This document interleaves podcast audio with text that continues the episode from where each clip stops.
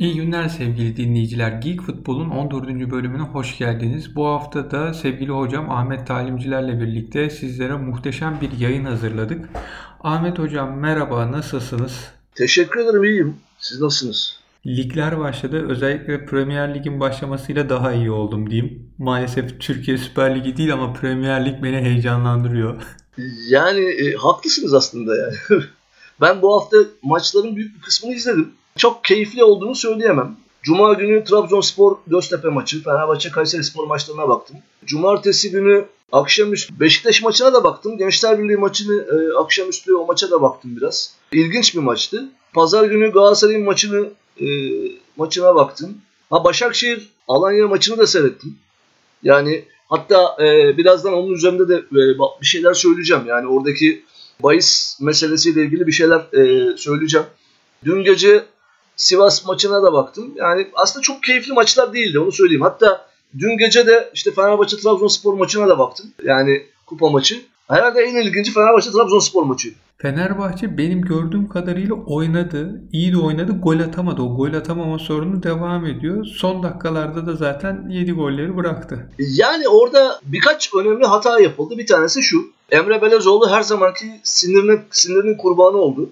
Bugün bir istatistik vardı. Yani bu bu yıl 7 tane sarı kart görmüş. Bunun 4 tanesi sağ kenarında. 3 tanesi içeride. Yani düşünsenize bir oyuncu oyuna girmeden 4 defa sarı kart görüyor. İçeride 3 defa sarı kart görüyor. Yani bu akıl alır gibi bir durum değil. Bu yaşa gelmiş olan bir futbolcunun hele hele artık yani futbolu bırakıp antrenörlüğü düşünülen bir futbolcunun kendine hala hakim olamaması, hala bu kadar çabuk sinirlenmesi ve öfkesini dışa vurması akıl alır gibi bir durum değil. Yani ola, olacak işler değil. Yani dün akşam Emre Belezoğlu eğer maçın ikinci yarısında oyuna girseydi belki oyunun kaderi değişebilirdi. Böyle bir ihtimal vardı. Hocam bir şey soracağım. Siz bir takıma teknik direktör alacak olsanız bu noktadan sonra Emre Belezoğlu'nu seçer misiniz? Kesinlikle seçmem ama Türkiye'de benim gibi bakan insan sayısının çok az olduğunu da söylemem lazım. Yani biliyorsunuz Türkiye'de durum farklı işliyor. Sağ kenarında agresif antrenör arıyoruz biz. Fatih Terim'in bu kadar çok popüler olmasının arkasında yatan şey biraz da bu. Yani biz öyle biliyorsunuz sahanın kenarında oturup son derece ciddi bir şekilde maç seyreden, sadece not alan, bu notlarla ilgili e, uygulamalar yapan antrenör falan pek istemeyiz yani. Evet de Fatih Terim en azından kırmızı kart görmüyor. Yani kırmızı kart görmüyor ama tabii orada biraz tabii Fatih Terim'in ayrı bir özelliği de var. Onu da koymak lazım. Fatih Terim bir anlamda şimdi bunu söylediğimizde belki tuhaf kaçacak kaçabilir ama Fatih Terim yıllar içerisindeki oluşturmuş olduğu kariyeriyle adeta oradaki hakemleri eziyor. Çok net bir şekilde mesela aynı hareketi başka bir antrenör yaptığında çok farklı davranan hakemler ya da dördüncü hakemler Fatih Terim olduğunda aynı şeyi yapamıyorlar. Bu çok açık. Aynı durum e, medya için de geçerli. Mesela medyada televizyon ekranlarında antrenörler hakkında atıp tutan e, yorumcular aynı şeyi Fatih Terim'e yapamıyorlar. Çünkü anında arayıp yani işte Erman sen ne yapıyorsun, sen ne diyorsun, bilmem kim sen ne diyorsun deyip e, hesabını soruyor. Ve böyle olunca da ister istemez böyle bir mesafe ve Fatih Terim ve diğerleri olarak net bir ayrım söz konusu oluyor. Bunu açık bir şekilde ortaya koymamız lazım. Yani Türkiye'de ha bir de tabii Fatih Terim'in şöyle bir, bir özelliği de var. Onu da yine arada bir siyasete de dokunduralım. Türkiye'de aslında benim e, derslerimde gösterdiğim bir fotoğraf var. O fotoğrafta Fotoğraf bir anlamda Türkiye'nin aynası. O fotoğraftaki isimleri ben sıralayayım. Fotoğrafta Fatih Terim var. Mehmet Ağar var. Onlar kanka zaten. Haluk Ulusoy var. Mustafa Sarıgül var. Ve Arda Turan var. Arda Turan'ın iyice artık böyle gençlik halleri, tıfıl halleri de, diyebileceğimiz e, zamanları. E şimdi fotoğrafı düşündüğünüzde aslında fotoğraf çok şey anlatıyor. E, şimdi baktığınızda Fatih Terim aslında sadece Fatih Terim olmanın ötesinde ya da sadece bir futbol figürü olmanın ötesinde bir işlevi yerine getiriyor Türkiye. İşin bir de böyle bir yanı var. Yani bu taraftan baktığınızda Fatih Terim'in adının ilk kez o antrenörlerin isminin verildiği yerde ilk kez Fatih Terim'in verildi biliyorsunuz. Başakşehir Fatih Terim Stadyumu. O açıdan Şenol Güneş'in verildi. Mesela hala Mustafa Denizli'ninki verilmedi. O da yakında gelir hocam. Bir şekilde gelir diye düşünüyorum. Ha gelir ben de düşünüyorum ama mesela Alsancak Stadyumu ismi verilebilir. Bilmiyorum yapılab yapılabilecek bir şey bu ama şu anda yenilenmesi sürüyor çünkü stadyumun. Ama şunu söyleyebilirim yani Fatih Terim başka bir figür. O etkiliyor. yeniden sorumuza döndüğümde Emre Belezoğlu'la ilgili olarak şunu konuşmak lazım belki. Yani Emre Belezoğlu'nun bu kadar çabuk sinirlenmesi, bu kadar çabuk öfkelenmesi ve o ruh hali her zaman bu kadar kolay kart çıkar mıydı ondan da emin değilim gerçi. Yani Cüneyt Çakır dün gece pek kendisinden beklenilmedik şekilde iki defa arka arkaya Emre Belözoğlu'na kart gösterdi. Yani normalde mesela ben dün maçı seyrederken oğluma da aynı şeyi söyledim. Tribünlerde seyirciler olsaydı aynı şekilde kart çıkartabilir miydi? Ondan çok emin değilim. Nihat Özdemir'le bu atışma olmasaydı da olur muydu bilmiyorum. Yani bunlar konuşulacak şeyler de ben önce şeye dönmek istiyorum. Fatih Terim'le ilgili fotoğraflarda mesela benim aklımdaki birkaç fotoğraf Fatih Terim Galatasaray'ın bir şampiyonluğunu Mehmet Ağar'ın kızı Yasemin vefat ettiğinde mezar taşına gidip UEFA kupasını aldıktan sonra takım Türkiye'ye geldiğinde şeye gidiyorlar. Ee, Mehmet Ağar'ın kızının mezarına gidiyorlar evet. Şampiyonluğu da ona ithaf etti. Hatta orada şampiyonluğu ona ithaf ediyorlar zaten. Bu, bu yapılıyor. Haklısınız. İlginç bir hikaye daha var bununla ilgili. Susurluk kazası öncesi Abdullah Çatlı, Hüseyin Kocatürk, Sedat Buca İzmir'e Mehmet Ağar'ın yanına gidip Yasemin'e geçmiş olsun ve babasına geçmiş olsun dedikten sonra dönüş sırasında kaza geçirdikleri Susurluk Komisyonu raporuna yansımıştı. Öyle mi bilmiyordum. Bu çok ilginç. Bu önemli bir ayrıntı. Onun dışında bir de geçenlerde bir fotoğraf vardı. Mesut Yılmaz'ın oğlu intihar ettikten sonra Türk Hava Yolları'nın uçağının internetini kapattılar öğrenmesin diye. Uçaktan indiğinde Mesut Yılmaz'ı karşılayan Mehmet Ağar'la Fatih Terim'di. Öyle mi? Oo bu da önemli. Bu da önemli. Yani bakıldığı zaman Fatih Terim bir noktada futbolda belli bir şey tarafı temsil ediyor. Bu yüzden hani onun bu kadar korunması, işte tek, tekrar tekrar A milli takımın başına geçmesi bunlar anlaşılan durumlar gibi söyleyebileceğimiz şeyler. Bizim ileride birkaç bölümlük hocam siyaset futbol yapmamız giderek elzem hale geliyor. E, arada arada dokunduruyoruz ama daha fazla yapmamız lazım. Haklısınız. Yani malzeme birikiyor diyelim. Belki şuradan sürdürebiliriz. Yani gerçekten oynanan karşılaşmalarda taraftar olmadığında zevk yok. Bu vurguyu tekrar yapalım. Taraftarsız futbol hiçbir şeye benzemiyor. Ama bugün de o yazıyı yazdım. Gece 12'den sonra çıkacak. Şöyle bir durumla karşı karşıyayız. Mesela az önce biz yayına başlamadan evvel İtalya'da e, bu akşam galiba Juventus ile Napoli arasında final oynanıyor. Final karşılaşmasında e, dikkatimi çeken şey şu. Tribünlerde birileri varmış gibi gösteren bir uygulamaya imza atılmış vaziyette. Yani hani e, maçlarda seyirciler ellerinde kartonları tutarlar, sallarlar, bir renk cümbüşü, ahenk ortaya çıkar ya. Aynı gösteri bu sefer bilgisayar üzerinden yansıtılıyor. Yani taraftar yok ama e, taraftar varmış gibi davranıyorsunuz. Mesela Türkiye'de de mesela Fenerbahçe stadyumunda dün akşam da vardı. Fenerbahçe'nin bu hafta oynadığı Kayseri Spor maçında da vardı. Kartondan taraftar görüntüleri söz konusuydu. Hocam hatırlar mısınız? Ben size Tayvan'dan yanılmıyorsam göndermiştim öyle bir video ya da bahsetmiştim. Bu ilk bu kartonu ilk onlar uygulamıştı. Ama işte orada da sorun şu. Taraftar yani kendi sahanızdaysa sizinle ilgili kararlara tamam sizin aleyhinize olan kararlara yuh diyecek taraftar olmayınca o sesi veremeyince bir anlamı olmuyor yani görseniz de. Şimdi burada burada haklısınız. Buna bir şey daha ilave edeyim. Mesela yayıncı kuruluş bu süre boyunca şöyle bir uygulamaya gitti. Kumandanızın dil tuşundan orijinali ayarlıyorsunuz ve taraftar sesi çıkıyor. Yani e, maç seyrederken siz taraftarların e, Fenerbahçe'liyseniz mesela Fenerbahçe taraftarının, Beşiktaş'sanız Beşiktaş taraftarının maçta bağırma seslerini duyuyorsunuz. Yani öyle bir band kaydını size aktarıyor maç boyunca. Bir de böyle de bir uygulama söz konusu. Ama ben bir adım daha öteye gideyim. Yani e, bu süreç böyle devam ettiği takdirde belki biz ileride şunu görebiliriz diye düşünüyorum ben. Yani daha orada belki taraftar yok ama taraftarın sanal olarak görüntüsünün yansıtılması e, gibi uygulamalar biz ilerleyen aşamalarda karşı karşıya kalabiliriz gibi geliyor bana. Olabilir hocam teknoloji gelişiyor da hani ben ileride bütün bunlar olsa bile o eski maça gittiğimiz günleri, maçtaki o kalabalığı özleyeceğim. O bağırışlar, çağrışlar, omuz omuzalar. Ha o, o, o olmayacak onda haklısınız. Ama böylesi bir sürecin başladığını da unutmamamız gerekiyor. Yani giderek iş bu tarafa doğru gidiyor. Ha burada tabii bir başka bir garabete de bir e, değinmek lazım. Bugünkü yazıda da ona da değindim. Şimdi biliyorsunuz maçlarda taraftar yok.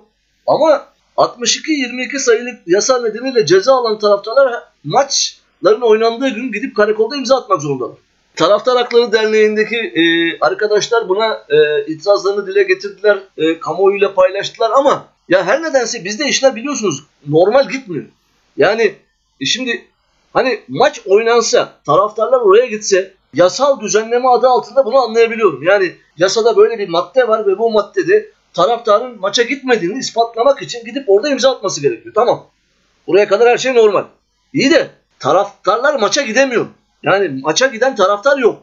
Yani neden bu insanlar gidip orada yine imza atmak zorundalar? Bunu birisinin anlatması lazım. Neden insanlara ısrarla yani olmayan bir şey karşılığında eziyet etmenin mantığı ne? Ayrıca bir tane o imzacı taraftar korona taşıyorsa ne olacak?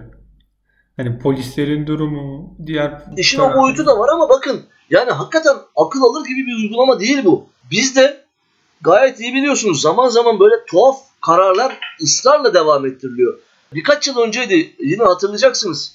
Beşiktaş'la Bursa Spor arasında oynanacak olan karşılaşmayla ilgili olarak maça gidecek olan taraftarların Bursa'dan hareket edip yani Beşiktaşlı taraftarlar önce Bursa'ya gidecekler, oradan İstanbul'a gelecekler, tekrar Bursa'ya gidecekler. Bu bu bu yaşandı. Yani e, böyle garip bir anlayış bizde devam ediyor. Yani biz bunu sanki normalmiş gibi e, devam ettiriyoruz. Yani ben yıllar önce İzmir'de Gaz, Karşıyaka ve Göztepe taraftarlarıyla ilgili bir çalışma yürütürken dönemin Çevik Kuvvet Şube amirleriyle de görüşmüştük. Hatta e, hani bazen dikkatinizi çeker. Hatırlayacaksınız. Bazı maçlara gidersiniz. Tribünde kimse yoktur ama tribündeki insandan daha fazla polis vardır. Şimdi evet. ha, bu uygulamaları görüp bilirsiniz yani.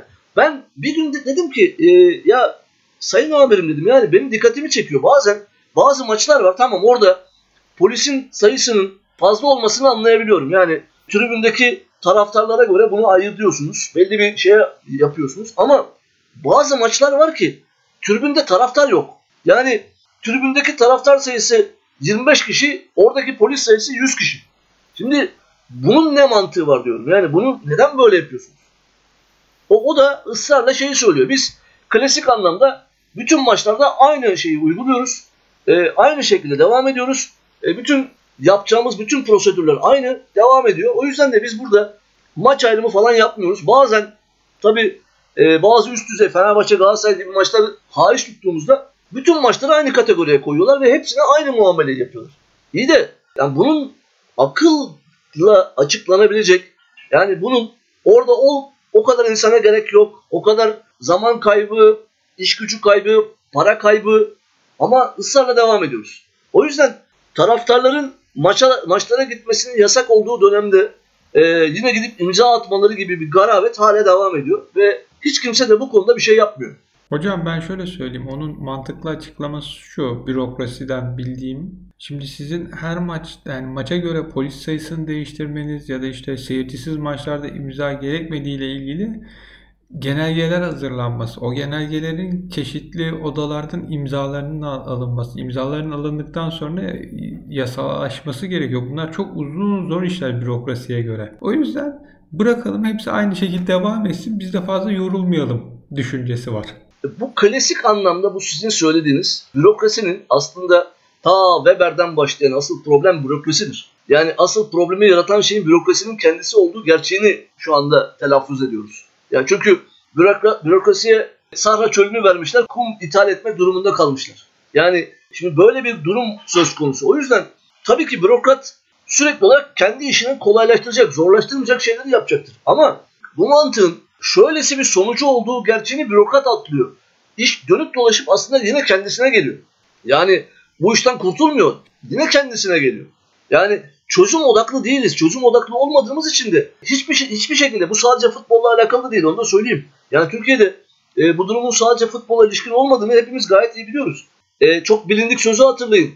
Okullar olmasaydı marifi yönetmek gayet kolaydı diyen bir bir zamanların bir milliyetim bakanı söz konusudur. Yani e, o yüzden taraftarlar olmazsa e, maçlar da gayet problemsiz geçebilir. Ne olacak? Problem olmaz. Hocam ben buradan bir şeye geçmek istiyorum izninizle. Fenerbahçe tarafına oradan da bahis noktasına geçelim diyorum. Şimdi Ali Koç bir daha Profesyonel Futbol Disiplin Kurulu'na sevk edildi. İkinci defa. Nihat Özdemir Fenerbahçe'deki şeyden üyeliğinden istifa etti. Fenerbahçe'de bu istifa etmez. Futbol Federasyonu Başkanlığından da istifa etmesini bekliyoruz dedi. Şimdi Cüneyt Çakır da çat çat kartları çıkardı. Şimdi aslında biz geçen hafta konuştuklarımız bir anlamda ortaya çıktı. Yani yani bu maçta neler olabileceğini düşündüğümüzde mesela maçın seyirciyle oynansaydı bu maç muhtemelen çok büyük tribün tepkileri gündeme gelecekti. Ee, Nihat Özdemir'e Futbol Federasyonu'na yönelik. E, e, buradan da Fenerbahçe yine kapatma cezası alacaktı. Sağ kapatma cezasına doğru giderdi o iş. Bu olmadı ama şu taraftan bakalım. Mesela Cüneyt Çakır tekrar söyleyeyim. Ben bu kadar kolay arka arkaya hele Emre Belezoğlu gibi bir adama iki defa arka arkaya kart çıkartması çok şaşırdım. Yani normal zamanlarda sahanın içinde Emre Belezoğlu'na bu kartları gösteremeyen hakemlerden birisi Cüneyt Çakır. Yani daha önce yönetmiş olduğu pek çok karşılaşmada siz de gayet iyi hatırlayacaksınız ki Emre Belezoğlu'na tolerans gösteriliyor muydu? Gösteriliyordu. Ama dün akşam ne oldu da birdenbire e, yani böyle sadece sağ kenarından atıştığı için kırmızı karta kadar gittiği iş anlaşılır gibi değil. Yani işin böyle bir boyutu var. Yani arkada haklısınız. Eğer böyle bir çekişme olmasaydı bu kadar kolay kart çıkar mıydı? Herhalde çıkmazdı diyeceğim ben de. Ama şu tarafına geldiğimizde e, yine geçen hafta şu vurguyu yapmıştık. Ali Koç'un ve e, Semih Özsoy'un Profesyonel Futbol Disiplin Kurulu'na göndermeleri, gönderilmesi Futbol Federasyonu açısından kaçınılmaz bir durum. Çünkü eğer böyle bir şey yapmazlarsa e, ister istemez kendilerinin e, orada bulunma durumunu da yani onların orada yer alma gerekçesini de bir anlamda sarsmış olacaktır. Yani size bir şeyler söyleniyor bunun karşısında siz bunu yutuyorsunuz gibi bir anlam çıkacaktı. Bunu anlayabiliyorum yani göndermelerini. Ama tabii durum bu kadar basit de değil. Onu da söyleyeyim. Yani Nihat Özdemir geçen hafta Vefa Küçük'e yani Fenerbahçe Divan Kurulu Başkanı'na bir mektup yazdı. Ve mektupta kendisinin Vefa Küçük'e övgü dolu sözler söylüyor. Ardından kendisinin ne kadar büyük bir Fenerbahçeli olduğunu bunları anlatıyor. Ve yanlış anlaşıldığından bahsediyor. Ve böyle gidiyor iş. Dün Vefa Küçük Nihat Özdemir'e bir mektup yazdı. Ee, her nedense bu mektup direkt kamuoyuyla paylaşılmadı. Bu mektubu Ali Koç vasıtasıyla biz öğrendik.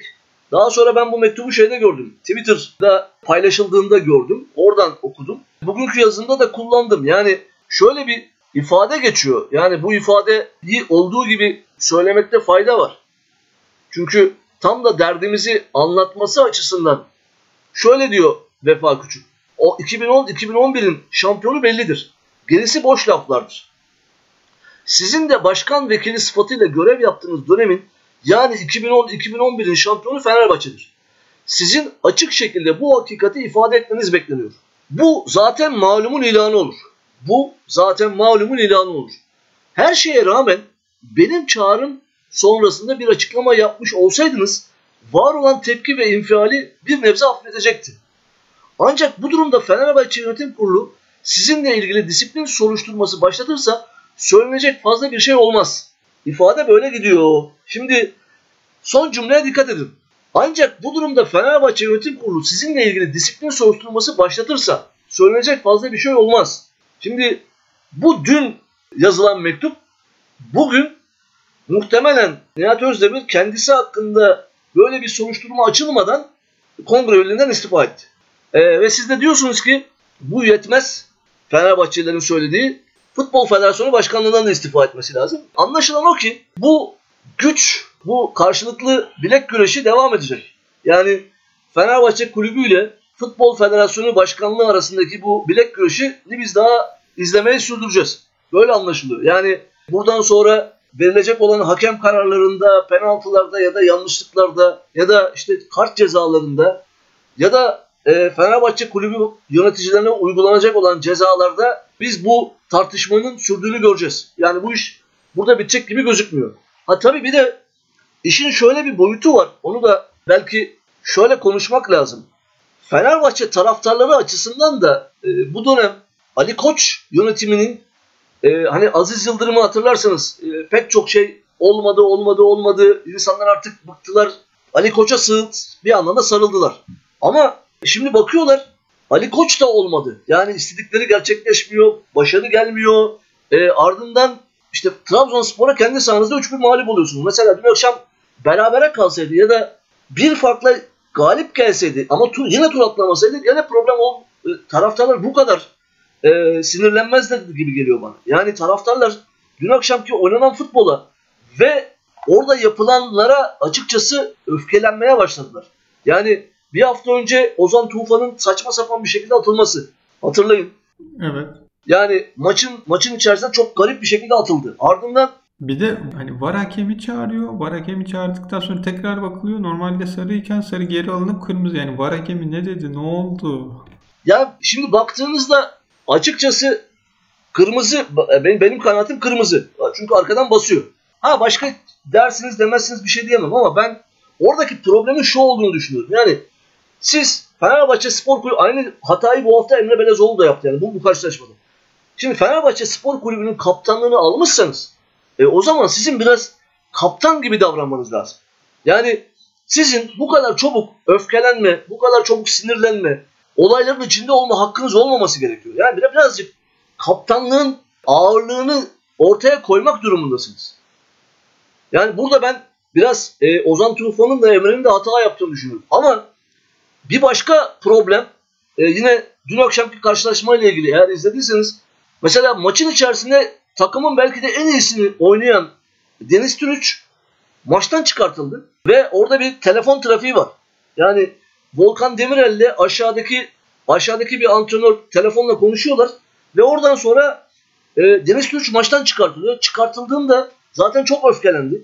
Yani bayağı uzun bir süre sağ kenarında tartıştı, konuştu. Daha sonra da soyunma odasına gitti. Yani e, maçın içinde Fenerbahçe'nin en iyi oyuncusu, golü atan oyuncuyu siz maçtan çıkartıyorsunuz.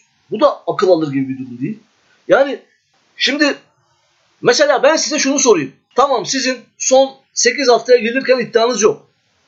Ama federasyon e, Türkiye Kupası'nı alma şansınız var mı? Var. Yani oynayacağınız toplam iki karşılaşmayı kazanırsanız Türkiye Kupası'nı kazanacaksınız.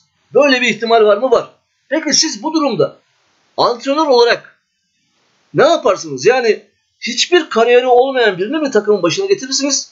Yoksa 8 hafta için ya da 10 hafta için biriyle mi anlaşırsınız? Ne yaparsınız? O iki maç için elimdeki yapabileceğim en iyi şeyi yaparım. Yani antrenör gerekiyorsa antrenör getiririm. E, antrenör gerekiyor ama işte yani problem burada zaten. İşte gerekiyor.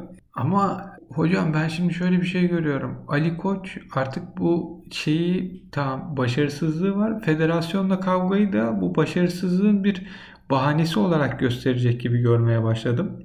Hani şu an takımın başına niye antrenör almıyor? Çünkü istediği bir kişiyi alacak. O kişiyi alana kadar da şey diye mali olarak iyi bir durumda değiliz.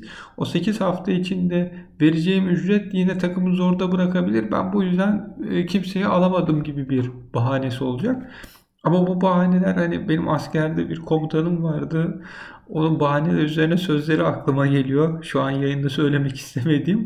Ama bahaneler bir yerde bitecek. Yani dediğiniz doğru. Ben çünkü bakıyorum bu sezona Galatasaray'a yenildik. Trabzon'a sahamızda yenildik. Bütün o yenilmezlik şeyleri bitti. Şampiyonluk gelmiyor. Takımın başında düzgün bir antrenör yok. Takımın gol atma sorunu devam ediyor. Altyapıdan biri gelmiyor. Yani siz takımın en iyi, en iyi oyuncusunu yani o ana kadar takımda gol atmış. Giderek ikinci yarıda da e, şeyi artan bir oyuncuyu belki de Trabzonspor'u o ana kadar en fazla rahatsız eden ikinci yarıdaki oyuncuyu oyundan çıkartıyorsunuz ve oyuncu da şaşırıyor. Yani ve hepimiz şaşırdık. Ve antrenör de diyor ki aslında iyi oynuyordu. Yani bu, bu da garip bir durum. Yani antrenör basın toplantısında diyor ki e, Deniz Türkçe iyi, iyi oynuyordu. O zaman niye çıkarttın? Ya da sen mi çıkarttın? O da ayrı bir problem. Yani çünkü bugün bazı fotoğraflar var. Ali Koç'un Volkan Demirel'i yanına çağırması, aşağıya doğru eğilip ona bir şeyler söylemesi, ardından Volkan Demirel'in telefonla konuşmaya başlaması. Yani biraz garip bir durumla karşı karşıyayız. Yani Fenerbahçe kulübü başkanları hatırlayın daha önce Aziz Yıldırım da bunu yapıyordu. Soyunma odasına inip bir takım şeylerde bulunuyordu. Ama şu anda da sanki bu devam ediyor gibi. Yani tribünden siz eğer siz yöneteceksiniz o zaman böyle bir şey olmaz. Çünkü siz e, Ali Koç'un bence bugüne kadar yaptığı en büyük hata bu. Ali Koç çok iyi bir Fenerbahçeli olabilir. Ama Ali Koç maalesef ne futbolu biliyor ne de gerçek anlamda futbolcuları tanıyor. Böyle bir problem var. Yani sizin futbolda uzun yıllar boyunca yönetici olmanız başka bir şeydir. Ama futbolu bilmek, futbol içinden gelmek başka bir durumdur. O yüzden nasıl ki siz çalıştığını e, sahip olduğunuz şirketlerde bunu uzmanlara devrediyorsanız burada da uzmana devretmek ve sonunda e, bunun hesaplarını sormak durumundasınız. Yani maç oynanırken oradan talimat veriyorsanız bu akıl alır gibi bir durum olmaz. Fenerbahçe'de böyle bir sıkıntı var. Ve geçmiyor. Hocam Murat Bardakçı'nın bugün yazısında hoş bir söz vardı. Türkiye'de iktidarlar değişiyor fakat yönetim şekli ve yaptıkları değişmiyor. Kim giderse gitsin yeni gelen de aynısını devam ettiriyor. Fenerbahçe için de doğru. Fenerbahçe için de doğru. Başkan değişiyor, anlayış değişmiyor. E boşuna Fenerbahçe Cumhuriyeti denmiyor yani. Ama Ali Koç da Komoli'yi getirdi. O bir şeyler yapıyordu. Yapamadı. Hadi hesaplarını sordu sordu. Olmadı. Şimdi kendi deniyor. Yine olmayacak. Sene üçüncü seferde kimi getirecek bilmiyorum. İşte Erol Bulut'un adı geçiyor filan ama Gelen antrenör de ilk senesinde şampiyonluk çok zor. Hele artık şu dönemde çok çok daha zor. Yine şampiyonluk olmayacak. Peki ben size bir daha bir daha bir soru sorayım. Siz Erol Bulut'un Fenerbahçe'nin antrenörlüğünü yapabilme kapasitesine sahip olduğuna inanıyor musunuz?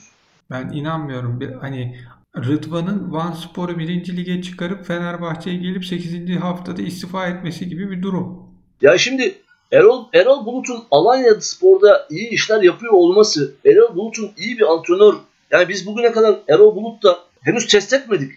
Yani Erol Bulut'un bakın sizin Anadolu'da herhangi bir takımı başında kupa almanızla iyi futbol oynatmanızla İstanbul'a gelip İstanbul'da Fenerbahçe gibi, Galatasaray gibi, Beşiktaş gibi takımlarda bu işi yapmanız aynı şey değildir. Bu kadar kolay değil. Hocam bunun diğer örneği de futbolcudur. Hani futbolcu Anadolu takımında 20 gol atar, 30 gol atar. Kesinlikle haklısınız. Tek kişidir. Ve herkes onu oynar ve o gol ama Fenerbahçe'ye, Beşiktaş'a, Galatasaray'a geldiğinde tek sen değilsindir. Herkes oyunu senin üstüne koy, kurmaz.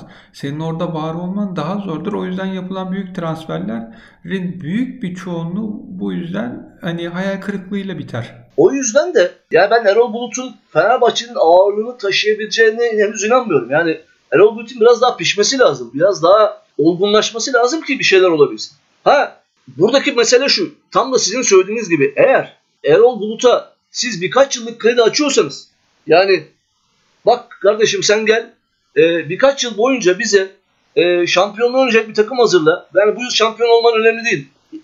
Bir sene sonra olabilir, iki sene sonra. Bunu sağlayabileceksiniz eyvallah. Yani bu başka bir şey bakın. Ama ikimiz de gayet iyi biliyoruz ki ne Erol Bulut'a bu kadar kredi sağlayabilirsiniz ne de bunu söyleyebilecek, bu sözü verecek olan kişinin o kadar kredisi var. Yani gayet farkındayız ki eğer bu gidiş böyle devam ederse Ali Koç önümüzdeki sezonun sonunu göremez. Yani Fenerbahçe'de ikin, önümüzdeki sezonun ikinci yarısında Fenerbahçe lig şampiyonluğundan kopsun. Fenerbahçe başkanında kalması pek mümkün olmaz. Hocam bir de Abdullah Avcı örneği var. Yani Başakşehir'e krediyi verdiler. Belli bir noktaya getirdi. Beşiktaş'a gitti. Yapamadı. Sezon bitmeden ayrıldı. Büyük takımlarda şey hiçbir zaman olmuyor. Başka bir takımdaki gibi kredi verme hikayesi. Sana 2 yıl 3 yıl kredi vereyim takımı kur da ondan sonra biz ona göre hani sonra sürekli galibiyet alalım. Fenerbahçe'de de olmaz. Yani Fenerbahçe'de hiç olmayacağını düşünüyorum. Yani Fenerbahçe'de bunun hiç olmayacağını düşünüyorum. O yüzden Ali Koç'un ne yapıp ne edip bir an önce çok iyi bir antrenör o, o da o da yetmeyecek. Yani önümüzdeki yıl mutlak surette şampiyonluğa ihtiyacı var. Şimdi öyle tuhaf bir durumda ki bir taraftan şampiyonluğa ihtiyacı var. Öbür tarafta Futbol Federasyonu Başkanı Fenerbahçeli olmasına rağmen en büyük rakibi Futbol Federasyonu. Şimdi bu da garip bir durum ortaya çıkartmaya başladı. Hocam işte Fenerbahçe entrikalarla dolu. yani önümüzdeki önümüzdeki sezon da bence çok bu açıdan bize çok malzeme çıkartacak gibi gözüküyor. Yani biz iki haftada bir, üç haftada bir en az Fenerbahçe Futbol Federasyonu arasındaki eğer herhangi bir aktörler değişmezse yani değişikliğe uğramazsa gitmezlerse e, muhtemelen biz bunları konuşacağız gibi gözüküyor. Çünkü burası e, bayağı verimli bir arazi olarak duruyor. İkisi arasındaki mücadele bize bunları sunacak gibi gözüküyor. Ben artık Fenerbahçe'de yöneticilik yapmış ama başkanlık yarışını kaybetmiş ya da bir şekilde başkan olmaya çalışırken olamayıp da federasyon başkanlığına geçmiş hiç kimseye güvenmiyorum ve hepsinden korkuyorum. Fenerbahçe'de başkanlık yarışına girip kaybettiyse ve federasyon başkanı olduysa Fener yanmış demektir. Vallahi öyle gözüküyor. Yani yani Fenerbahçe e, daha önceki Futbol Federasyonu Başkanlığından bu kadar şikayet ettiğini hatırlamıyorum. Yani bu Fenerbahçelilerden ettiği kadar etmedi. Hocam bahis konusuna geçelim. Bahis konusuyla ilgili olarak dikkatimi çeken şey şu oldu. Şimdi maçların biraz filmi geriye sarayım oradan başlayayım. Türkiye'de yasa dışı yurt dışından bahis firmalarının reklamının yapılması yasak. Yurt dışında bahis oynamak da yasak. Hatta 2013 yılında İstanbul'da Ali Sami Yen e, stadında o dönemde Galatasaray ile Real Madrid arasında oynanan bir karşılaşma var. O dönemde de Real Madrid'in sponsoru e, bir bahis firması ve yasak olduğu için bununla ilgili bir takım cezai yaptırımlar gündemde olduğundan Real Madrid o karşılaşmaya bahis firmasının adı olmadan çıktı. Şimdi bu yaşandı Türkiye'de. Şimdi bunu neden söylüyorum? Bunu şundan söylüyorum. Geçtiğimiz haftadan bu yana Türkiye televizyonlarında e, seni çok özlemiştik. E, işte artık tekrar aramıza döndüğüm gibi reklamlar başladı. Bazı bahis firmaları bu reklamları yapmaya başladılar. Ve bu hafta oynanan bazı karşılaşmalarda mesela e, ben bugünkü yazıda da o fotoğrafı da kullandım. Muhtemelen göreceksiniz e, akşam geceliğin. Mesela Başakşehir ile Alanya Spor arasında oynanan karşılaşmada komple bir tribüne serilmiş olan futbolu çok sev sevdik e, misli.com reklamları vardı. Ama bu bayağı büyük yani tribünün neredeyse yarıdan fazlasını kaplayan devasa bir reklam. Pankart olarak asılmış vaziyette. Şimdi şunu sormak geliyor insanın içine. Ya bir taraftan bu ülkede en fazla şikayet edilen bahis meselesi. Çünkü bunun bir kumara alışma boyutu var. Ve bahis üzerinden özellikle yaşı tutmayan çocukların bahis oynaması meselesi var. Şimdi bu böyle büyük bir tehdit. Böyle bir tehlike var. Ama sanki var olan durum bizim böyle bir tehlike falan içermediğimizi e, bizzat ülkenin televizyonlarında bunlar reklamlar yayınlanıyor. Hadi onu da geçtim. E, futbol karşılaşmalarında da e, tribünlerde de bu reklamlar var şu an. Yani şimdi o zaman insan şunu sormadan edemiyor. E, ben şey zamanını hatırlıyorum. Yani Şampiyonlar Ligi'nde hala bahis firmalarının reklamları üzeri buzlanıyor Türkiye'de. Bahis reklamları verildiğinde onları buzluyorsunuz. Hani bira reklamlarını buzladığınız gibi. İyi de şimdi bunu yapan zihniyet yurt dışındaki bahisi yasaklamak güzel. E ama içeridekine niye bu sefer şey yapıyorsunuz? Bu kadar aleni hale getiriyorsunuz. Bu sözümden şu anlaşılmasın, bunlar yasaklansın falan demiyorum. Böyle bir ifade kullanmıyorum.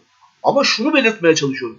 Şimdi eğer siz bahis meselesiyle ilgili olarak bu kadar hassassanız, yurt dışındaki bahislere, yurt dışındaki bahisleri yasaklıyorsanız o zaman içeride de bahisin bu kadar insanların gözlerinin içine sokulmasını da engellemeniz lazım. Yani bu kadar rahat olmamalı. Hocam Misli.com'un hakkımızda sitesinde hakkımızda bölümünde yazan Misli Elektronik Şans Oyunları ve Yayıncılık AŞ 15 Temmuz 2009 tarihinde Spor Toto Teşkilatı ile yapılan sözleşme ile spor müsabakalarına dayalı sabit ihtimalli bahis oyunlarını dünya standartlarında üyelerine sunan yasal elektronik bayidir. 6 Aralık 2011 tarihinde Milli Piyango Müdürlüğü ile yapılan sözleşme ile de Milli Piyango çekiliş bileti alma imkanını üyelerine sunmaya başlamıştır şeklinde ve internette yazan ne kadar doğru bilmiyorum Şansal Büyükağa'nın oğluna ait oldu. Ha, tamam. Şimdi anlaşıldı. Tamam. Tamam. Ben mesajı aldım. ben mesajı mesajı aldım. Tamam. Anlaşıldı. Neden olduğu daha net anlaşıldı. Şimdi bizde yasa dışı olarak tabir edilen bahis şirketlerinin sitelerine girdiğinizde genelde işte Malta ya da Cebel Tarık'tan lisansları olduğunu görürsünüz. Ondan sonra da buralardan para alamazsanız da senin lisansınla ilgili dava açacağım gibi İngilizce yazılar yazdığınızda hani İngilizce mailler attığınızda o para genelde yatar, hızlı yatar. Hatta ben bununla ilgili bir araştırma yaptım. Bu şirketlerin İngiltere, Kıbrıs ve İsrail üçgeninde çok başka şirketlerin ufak şirketleri oldu. Böyle büyük bir organizasyonun parçası olduğunu da gördüm. Türkiye'de bu bunlar nasıl iş yapıyordu Avrupa'da iş yapmıyor ya da Avrupa'da bunlar niye yok kısmını düşündüm. Mesela İsveç'te bahis oynamak istedim. Futbol maçına bahis oynamak istedim. İsveç dedi ki İsveç'te bir yıldan uzun aynı adreste kalacaksanız size e, kişisel vergi numarası, kişisel numara gibi bir numara veriyorlar. Bizim TC kimlik numaramıza benzeyen. O numaran olmadan burada oynayamazsın. O numaranız olduğunda o numarayı girdiğinizde bahis sitesine direkt hani sizin sistemdeki bütün kaydınızda bende bahis oynuyor diye gösteriyor. Oradan para kazandığınız zaman siz onun vergisini vermek zorundasınız. Ve şey diyor ülke ben bahis şirketine izin veririm ama bahis şirketi bu dediklerimi yapacak. Hani kimlerin oynadığını sadece benim vatandaşım oynar. Benim vatandaşım ya da işte bu ülkede uzun süre kalacak kişiler oynar. Onlara verdiğim numara bu. Bu numaralar girilecek. O numara zaten bir tane sabit. O numarayı ben göreceğim. Kazanılan parayı öğreneceğim. Ona göre zaten vergisini vermiyorsa cezasını keseceğim. Çok net. Sistem çok net işliyor. Anladım. Ya bizde aynısı yapılabilir. TC kimlik numarası var çünkü bizde ama ama ama aması var işte. Misli pom olmaz. Sadece iddia olur. Şimdi e, o zaman şunu da söylemek lazım. Türkiye'de 18 yaş altı çocukların oynaması yasak biliyorsunuz. Evet. Sistem öyle mi işliyor? Hayır. Tam tersine. Yani Türkiye'de bu bahis meselesi öylesine yaygınlaşmış vaziyette ki özellikle de lise çocukları. Lisedeki gençler. Çok yaygın. Yasa dışı tabir edilen sitelere en yüksek girişler bildiğim Güneydoğu tarafından. Evet. E, Güneydoğu'da ben şunu biliyorum. E, yıllar önce e, orada bir kongreye gitmiştim. Merdiven altı tabir edilen e, bahis e, oynatılan yerlerden bahsedilmişti. Hatta bir gün eşimin dayısının oğluyla beraber e, Real Madrid Barcelona maçını bir kahvede seyretmeye gittik. Yıllar önce 2012 ya da 2013. Biz maçı seyrediyoruz. Oradaki genç çocuklar deli gibi bağırıyorlar. Ya ben anlamadım yani. Allah Allah diyorum. Niye böyle bunlar bu kadar bağırıyor? Tabii sonradan ayırdığına vardık. Gol olunca anladık. Bunlar bahis oynamışlar. Yani o zaman anladım. E, ha, burada bir bahis oynanıyor.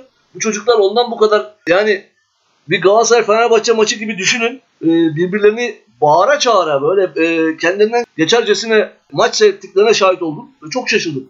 E, Diyarbakır'da ben bunu gördüm. E, orada daha sonra bize mimandarlık yapan bir şoför vardı. Ona sormuştum. O bana göstermişti. İşte hocam bak burada e, buralarda yasa dışı bahis çok yaygın. Özellikle de burada çocuklar oynuyor. Gerçekten tam da sizin dediğiniz gibi. Hocam şey bir de ilginçtir bu. Türkiye'de bazı siteler vardır. Futbolcular, maçlar, e, takımlar üzerine bilgi verir. Hani iddiayla alakası yok. Tamamen şey bilgisi verir. Analitik bilgiler verir. Onların yorum ve forum köşesinde mesela maçın canlı anlatımında yazılanları takip etmek de çok eğlenceli. Aa, bir korner daha olursa kazanıyorum. Bir korner daha olsun. İşte gol olsun. Uzatmada. Aa işte penaltıyı kaçırdı kazandı. Böyle kendi birbirlerine laf atmalar falan. Bu arada bizi dinleyenlere ben şunu da söyleyeyim. Ben yıllar önce bu iddia meselesi ile ilgili olarak bir dergide benden görüş istemişlerdi. Ben de o görüşü sosyolog olarak ifade etmiştim.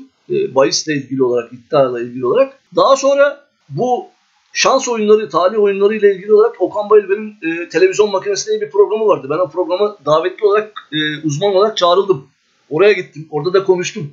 Yani özellikle bu bahis meselesiyle e, biraz ucundan kıyısından ilgilenen sosyologlardan bir tanesiyim. Ha, hayatımda hiç bahis oynamadım. Nasıl oynandığını bile bilmem. Ama bu olayı bir şekilde takip etme anlamında ise bakıyorum. Yani hala çünkü Türkiye'de hatırlarsanız sizle de şeyi konuşmuştuk. Yani ligler bittiğinde yani ligler tatil edildiğinde insanlar en çok şeyi takip ediyorlardı. Yani e, işte e, Avrupa'da bir ülke Ukrayna'da mı bir yerde e, maçlar devam ediyordu. Ukrayna'da devam ediyor, İsveç'te devam ediyor, evet. kuzey ülkelerinin kiminde devam ediyor. Kışın oynanmıyor. Hayır bu pandemi sürecini kastediyorum. Yani bu Uşe sürecinde Ukrayna'da bir yer, Belarus. Bir yerde oynandı çünkü. O insanlar oraya oynamaya devam ettiler. Yani çünkü insanlar şeyi bekliyorlar. Bu acayip bir alışkanlık ve dünyanın farklı liglerini takip etme. Mesela ben özellikle yaz döneminde evimden bazen e, o dönem Ege Üniversitesi çalışırken işte dolmuşlara binip gidiyordum. İşte Menemen dolmuşuna bindiğimde orada e, bolca e, bahis oynayan işte bilmem Arjantin'deki bilmem ne lig takımıyla işte bilmem River Plate Boca Juniors maçı şu olur. Botafogo'nun maçı şu olur. Nasyonel maçı şu olur diye konuşan insanlara şahit olurdum. Yani bu çok enteresan bir durum. Yani bahis meselesi insanların e, hakikaten çok farklı bir yere götürüyor. O yüzden ben buradaki verilen bu reklamın e, hakikaten üzerine gidilmesi gerektiği kanaatindeyim. Yani bu bu kadar basit değil. Kim olursanız olun bu kadar basit olmamalı. Yani bakın televizyon ekranlarına çıkıp reklam vermek başka bir şeydir. O parasıyladır. Ama burası sonuç itibariyle siz burası aynı zamanda stadyumun içinde bunu yapıyorsanız o zaman sizin ülke olarak yurt dışında oynanan takımların formasındaki bahis şirketini buzlamanın ya da işte verilen reklamları kapatmanın bir anlamı, bir anlamı kalmaz. Burada bir e, tuhaf bir yan söz konusu oluyor. Ha tabi liyakat meselesine şuradan gel- gelmek lazım. Yani sizin söylediğinizde ben anladım dedim. E, ve liyakat işi hakikaten bozuyor. Liyakatın işi bozduğuyla ilgili çok ilginç bir başka örnek var. O örnek de şu. E, bugün şeylere yansıdı. Futboldan değil ama çok ilgi çekici bir örnek. O yüzden de bizi dinleyenlere onu aktarmak istedim. Türkiye Wushu Federasyonu Başkan Vekili Abdurrahman Akyüz'ün kızı e, Elif Akyüz aynı katıldığı turnuvada hem hakem hem de sporcu olarak yer alıyor. Akyüz'ün annesi de e, hakemler arasında ve hem annesinin ve kendisinin verdiği oylarla şampiyon oluyor. Şimdi bu yani neresinden tutsanız elinizde kalacak olan hakikaten insanın dumura uğradığı e, ya bunun için mi sporla uğraşıyoruz ya da spor federasyonları gerçekten ne iş yapıyor e, la ilgili akıl almaz bir haber. Hocam bunu bilseydim önceden ne bahis oynardım var ya evi satar oynardım. Yani düşünsenize yani kişi hem hakem hem davacı hem kadı. Yani böyle bir durum söz konusu. Yani hem siz hakemsiniz hem de yarışmacısınız. E, anneniz de hakem. Hem kendinize oy veriyorsunuz hem yarışıyorsunuz. Anneniz de size oy veriyor. Ondan sonra da birinci oluyorsunuz. Vallahi çok güzel. Yani hakikaten çok güzel bir sistem. Ama bu sistemle yani bu ülkenin bazen şey diyorlar ya eski Türkiye. Ya eski Türkiye'yi özlüyoruz. Eski Türkiye'de işte ise bunlar bu kadar alenen olmuyordu ya. Bu kadar aleni değildi yani. Yani eski Türkiye'nin ben çok mata olmayan yığınla yanını sayarım. Ee, orada da büyük problemler olduğunu, yığınla saçmalıkların gerçekleştiğini falan tabii ki gayet iyi biliyorum. Ama işte ise bu kadar alenen bazı şeyler görmüyorduk ya. Hocam eski Türkiye'de bütün ülke kanalizasyonun içindeydi ama yani kanalizasyon borularıyla kapalıydı ama orada sızıntı vardı. Şimdi bütün borular patlamış durumda. Yani şimdi baktığınızda mesela buna bir örnek daha verelim. Ee, işte Hamza Yerlikaya.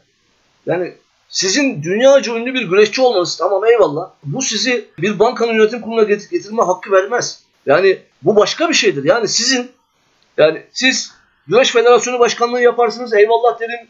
Güreşle ilgili ya da sporun herhangi bir alanı spor bakanlığı yaparsınız ona da eyvallah derim. Ama ya şimdi hiç uzaktan yakından alakamız olmayan. Hayır şu, şu olur.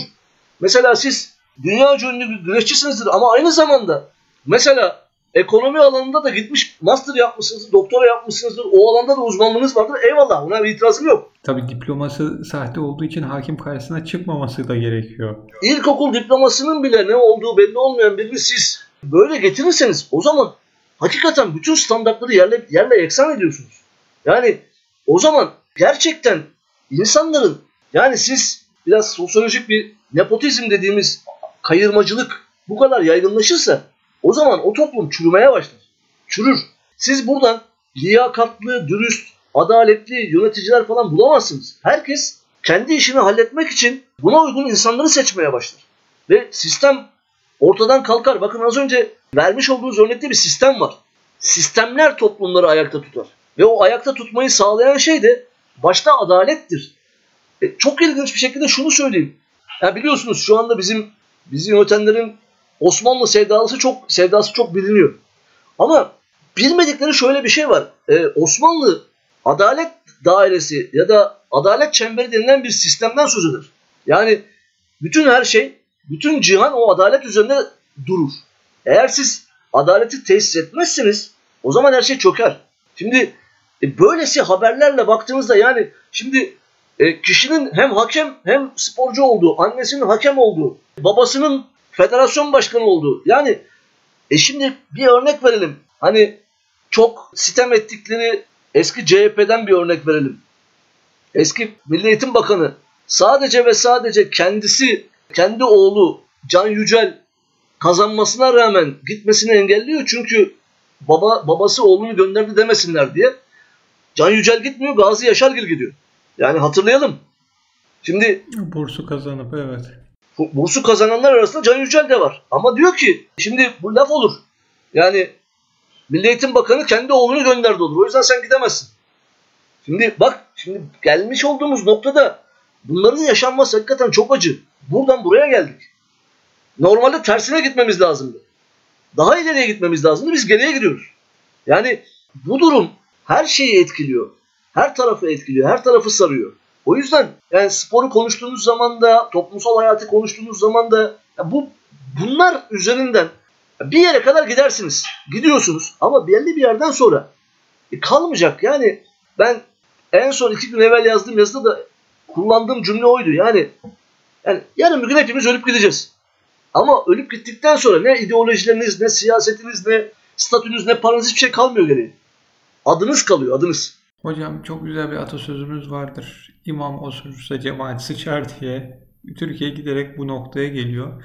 Ben yayını bitirmeden bir de son bir habere değinmek istiyorum. Biz birkaç program önce Türkiye'deki futbolcuların gençlere ya da topluma bir katkısı olmadığını, bir bazı kampanyalar yapmadığı gibi şeyleri söylemiş ve böyle bir şeyler bekliyoruz demiştik.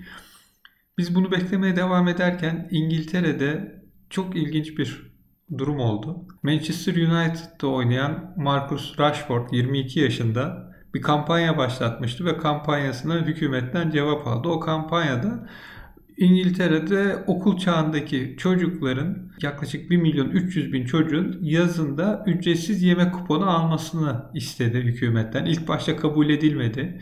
Kampanya başlattı ve kampanyanın sonunda hükümet bunu kabul etti. İngiltere'de 1 milyon 300 bin çocuk yazın yemek kuponu alacaklar. Ailelerinde ekonomik olarak daha az bir yük olacak. Ve bunu başaran 22 yaşında bir futbolcu. Valla yaptığı şey o kadar önemli bir noktaya temas ediyor ki aslında baktığınızda İngiltere de bu e, özellikle yaz aylarında yoksul çocukların yani verilen o yardımın kesilmesi çok büyük bir problemdi ve bunu bir futbolcunun düşünüp bununla ilgili kampanya yapması ve bunu başarıya ulaştırması müthiş bir şey. Müthiş bir duygu. Yani umarım umarım diyorum ama pek zannetmiyorum ya maalesef. Çünkü Türkiye'deki futbolcuların da büyük çoğunluğu bu zihniyetin çok ötesinde yetişiyorlar. Yani herkes şu anlayışın üzerinde temelleniyor. Ya ben yırttım gerisine ne olursa olsun mantığı işliyor. Halbuki birinin kurtar, kurtulmasıyla e, bir şey bitmez. Yani ya hep beraber kurtulacağız ya da hep beraber batacağız. O yüzden bu sürecin işleyebilmesinin başka yolu yok. Bunu bunu net bir şekilde ortaya koymak gerekiyor. Umarım Türkiye'de de biz benzer atılımları görebiliriz ama maalesef pek zannetmiyorum. Yani Türkiye'deki futbolculardan bunların çıkma ihtimalinin olduğunu sanmıyorum. Hocam dilerim bir gün görürüz. Ben yavaş yavaş izle yayını bitiriyorum. Son bir söylemek istediğiniz Pardon, varsa. bir de şunu söyleyeyim. Yani bu hafta oynanan karşılaşmalarda sosyal mesafeye çok uyulmadığını yani hani söyleniyordu ya sosyal mesafe şöyle olacak böyle olacak. Ee, mesela maça çıkışlarda takımlar yine takım halinde fotoğraf çektirmeye devam ettiler. Ee, bunların olmaması gerekiyordu.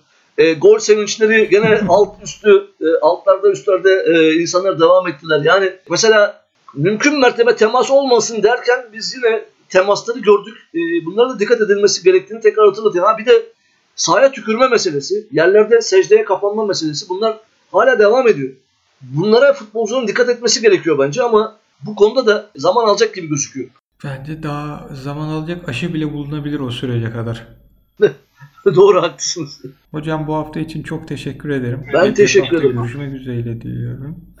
Sevgili dinleyiciler, Geek Futbol'un bir bölümünün daha sonuna geldik. Artık bildiğiniz gibi yayınlarımızı Spotify üzerinden ayrıca Android temelli bir cihaz kullanıyorsanız podcast application'ına Geekgiller yazarak iPhone'un bir ürününü kullanıyorsanız cihazını podcast application'ına Geekgiller yazarak yayınlarımızı dinleyebilirsiniz. SoundCloud yayınları yüklediğimiz platform. Twitter ve Facebook'tan takip edebilir, yayınlarımızı paylaşabilir, yorum yazabilirsiniz. Bize ulaşmak isterseniz mail adresimiz geekgiler.gmail.com İyi haftalar, görüşmek dileğiyle, hoşçakalın.